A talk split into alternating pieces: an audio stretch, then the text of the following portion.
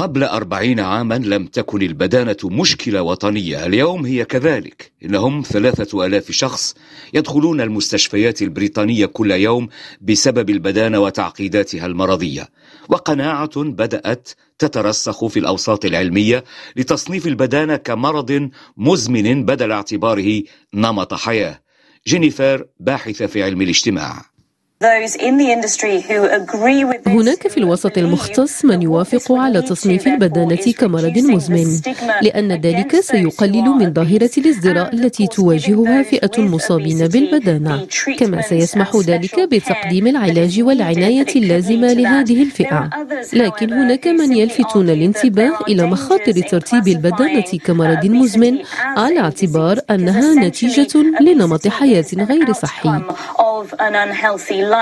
الحكومة جربت كل شيء. حملات التوعية إلزام الهيئات المصنعة بإظهار عدد السعرات الغذائية على منتوجاتها توزيع قسائم الغذاء الصحي على الأسر الفقيرة ولكن المشكل ظل يتفاقم. بيتر جامبل باحث في علوم التغذية.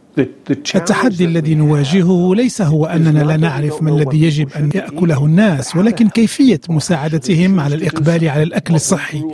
ما نشأنا على أكله أو اعتدنا على تناوله يصبح لا محال الأساس لنظامنا الغذائي حتى عندما لا يكون الأكثر صحية. لذا يجب أن نتعلم من جديد الاستمتاع بالأطعمة الصحية وعدم النظر إلى الأطعمة غير الصحية كمكافأة.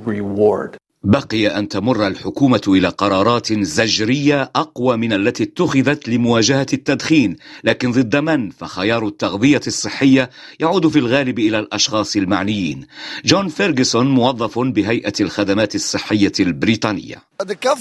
يمكن للحكومة أن تفعل الكثير مثلا في حظر الإعلانات التي تروج للوجبات الغذائية المضرة بالصحة مثل ما فعلوه مع التدخين.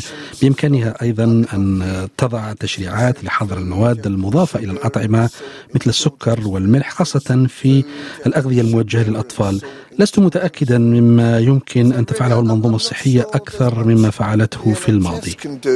في المقابل الحكومة تواجه الآن هذا الرقم المؤلم 98 مليار جنيه استرليني هي الكلفة الإجمالية للبدانة في بريطانيا. الدكتور وفيق مصطفى طبيب عام.